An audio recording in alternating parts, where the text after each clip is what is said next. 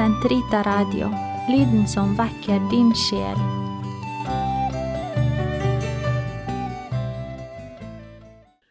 Den katolske kirkes katekisme, uke 22, tirsdag, paragraf 355 til 361. Sjette avsnitt Menneske. Og Gud skapte mennesket i sitt bilde. I Guds bilde skapte han det. Til mann og kvinne skapte han dem. Genesis 1,27. Mennesket inntar en særstilling i skaperverket. Det er skapt i Guds bilde. I sin egen natur binder det sammen den åndelige og den materielle verden.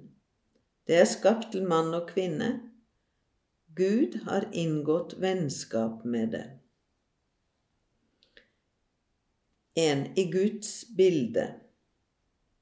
I hele den synlige skapning er det bare mennesket som har mulighet i seg til å erkjenne og elske sin skaper.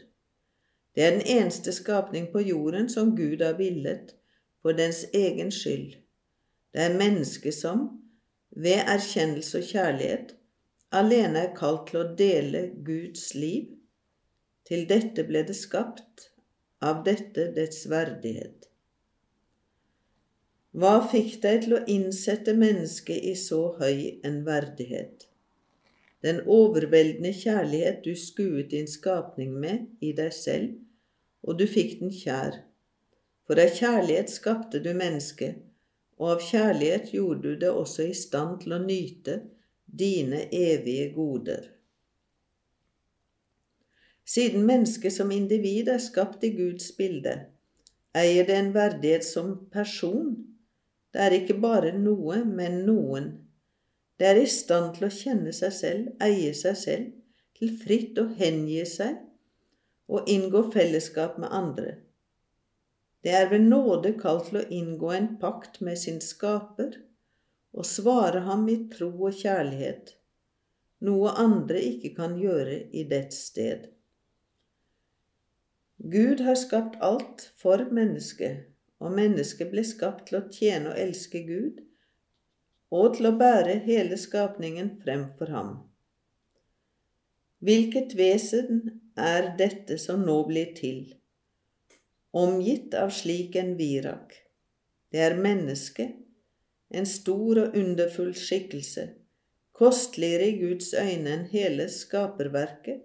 Det er mennesket, og for dets skyld er det himmel og jord og hav og hele skapningen er til.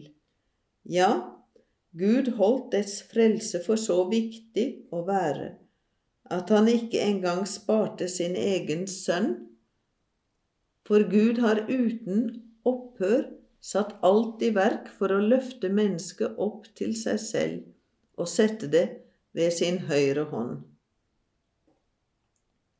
Menneskets mysterium finner ikke sin sanne belysning annensteds enn i det menneskevordne ords mysterium. Sankt Paulus lærer oss at det er to menn som er menneskeslektens opphav, Adam og Kristus. Den første Adam, sier han, ble skapt som et menneskelig vesen som fikk liv. Den siste er et åndelig vesen som gir liv. Den første ble skapt av den siste og mottok en livgivende sjel fra ham.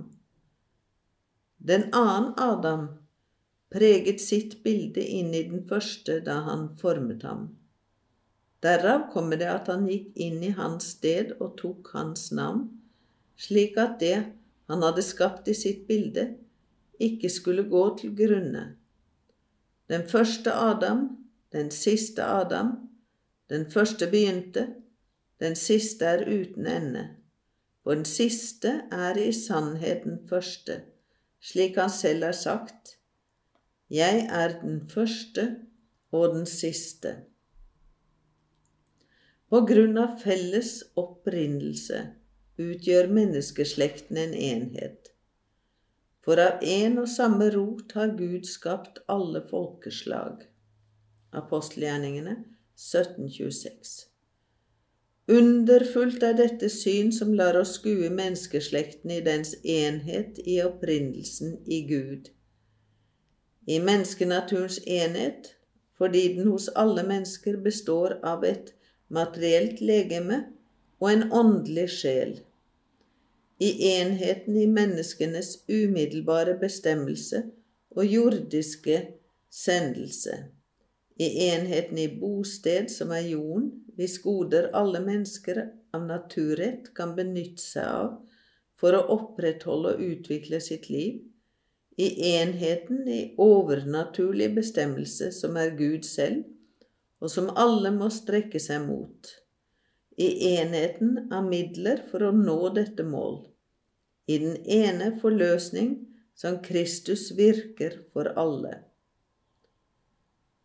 Denne lov om menneskelig solidaritet og nestekjærlighet gjør oss viss på at alle mennesker i sannhet er søsken, uten dermed å se bort fra det rike mangfold som personer, kulturer og folkeslag byr på.